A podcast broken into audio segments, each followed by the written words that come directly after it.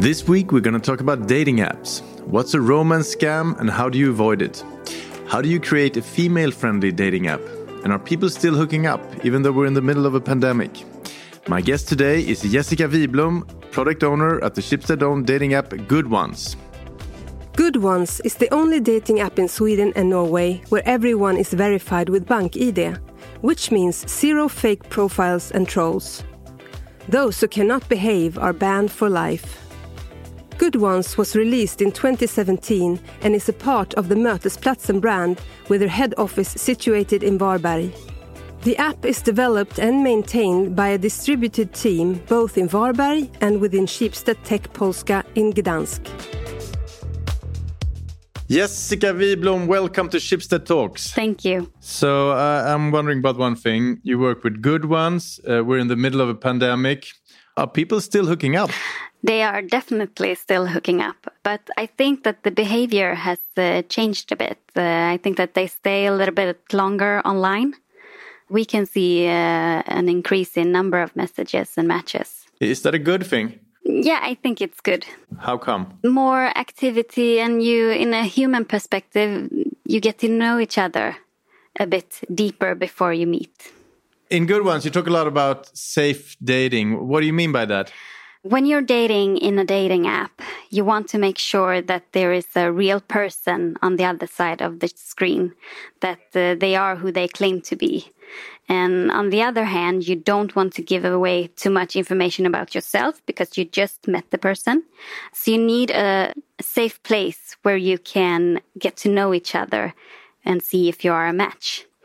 And if you don't click, you can be sure that you can either unmatch and they can't contact you anymore, or if they misbehave, then you know that you also have the possibility to report them so that they can't contact you anymore. And if they are really misbehaving, then they can't do that to anyone else either. In what sort of ways can you misbehave in your world? I mean, could you explain what, what could that be? Well, there can be uh, unwanted uh, unwanted messages and unwanted images. Uh, people sending unwanted nudes and things like that. And, and, exactly. and, could it be like frauds and things like that as well? That people yeah, it's uh, very common.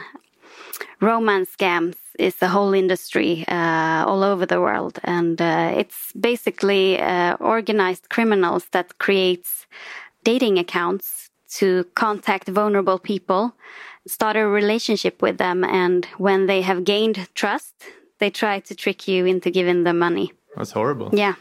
But your solution uh, in Good Ones is bank ID, right? Yeah, that's right. Why is that necessary? When we were in the planning phase of Good Ones, we wanted to establish how to make the app uh, woman friendly and also secure. And um, we have a lot of experience of how the behavior and the tone can be. So what we did was to interview a lot of women and did a lot of surveys. And the insight were that it's easier to behave bad and harass and lie about yourself uh, when you can be anonymous. So that is where the idea of bank ID was sprung. Uh, with BankID, you can't lie about who you are and you can only have one account it also means that if you misbehave, uh, we can make sure that you can't create a new account again. Are there any obstacles with this?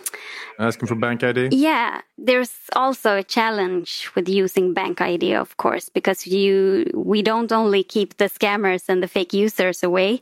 Many people think that they connect the bank ID with the banking and authorities, and uh, which makes it a little bit scary for them to use it. So we have had a lot of work with how to communicate that we are not getting any info about anything except your ID. It's basically like a driver's license or a passport that you identify yourself with.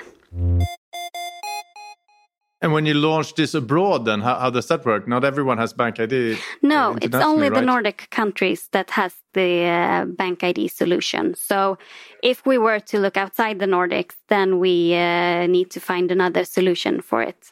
Today we have uh, good ones in Sweden and Norway. So you talk about women friendly, female friendly. Does that mean that, that men in general are the bad guys in, in, in dating apps? No, it doesn't mean that uh, all men are bad, uh, but uh, women to a greater extent are more exposed to people that behaves badly. And uh, it's that group that we want to uh, get rid of. What's the ratio between men and women within good ones? It's about 60% men and 40% women.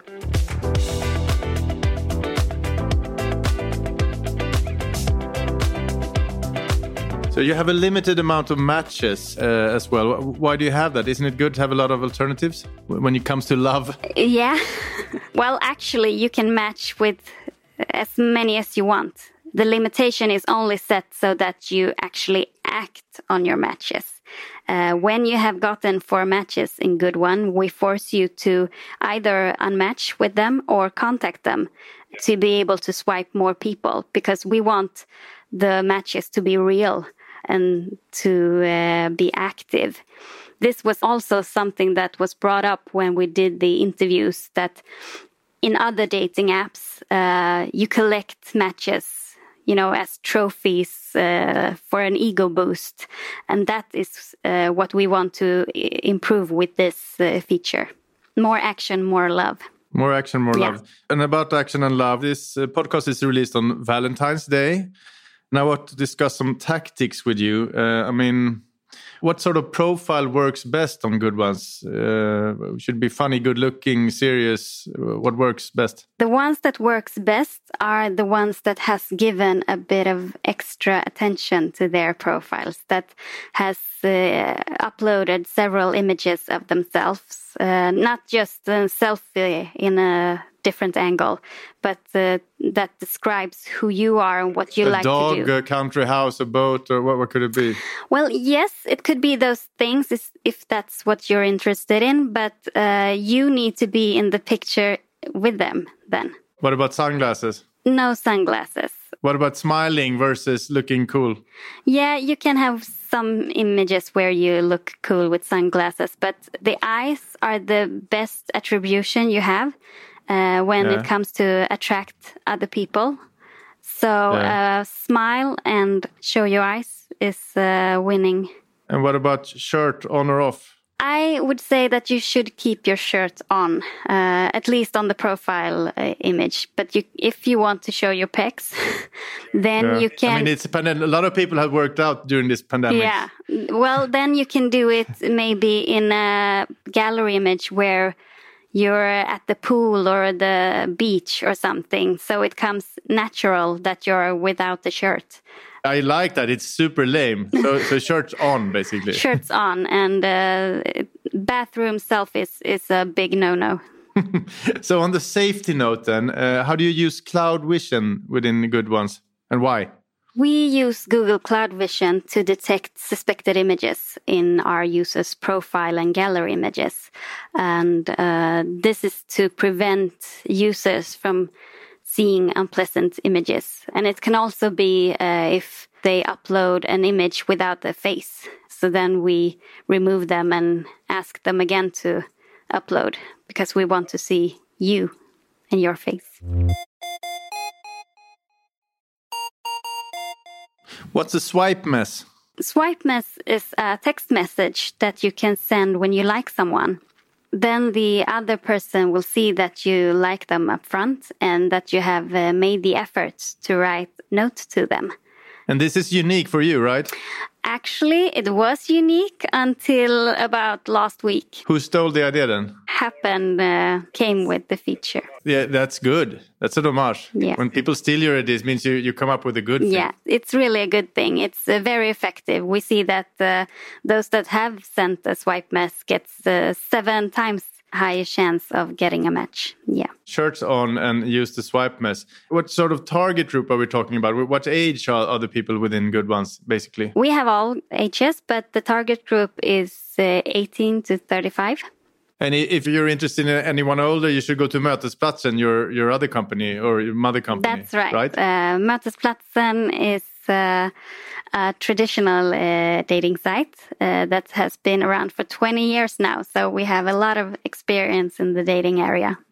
And, and most people listening today are, are probably listening on Valentine's Day. Have you got any extra special advice for the singles out there? Yeah absolutely. Uh, be active and uh, maybe do a spring cleaning of your uh, dating profile. Spring cleaning. Very good. Thank you so much, Jessica Widmer. Thank you for coming to Schibsted Talks. Thank you. This podcast was brought to you by Schibsted Employee Branding Team. My name is Hugo Renberg and the producer was Jens Back.